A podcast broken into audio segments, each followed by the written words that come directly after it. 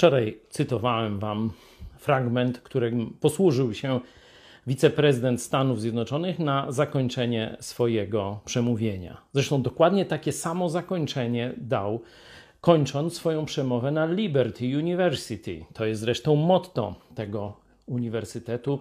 Trzeci rozdział drugiego listu do Koryntian, werset 17. Gdzie duch pański, tam wolność. Dzisiaj chciałem zadać nam, sobie, ale przede wszystkim Polakom pytanie: dlaczego Amerykanie mają wolne państwo? Oni to tłumaczą w ten sposób: Land of the free because of the brave, czyli ziemia wolnych, ponieważ odważnych. No ale przecież Polakom nikt odwagi nie może odmówić.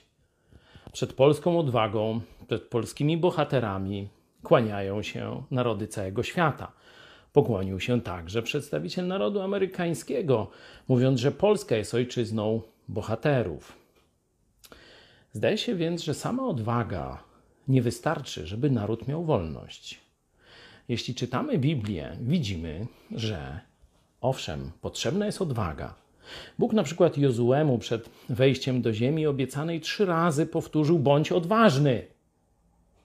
Ale jest jeszcze ważniejszy czynnik Boże błogosławieństwo związane z odnalezieniem prawdziwego Boga w Jezusie Chrystusie i z posłuszeństwem Mu.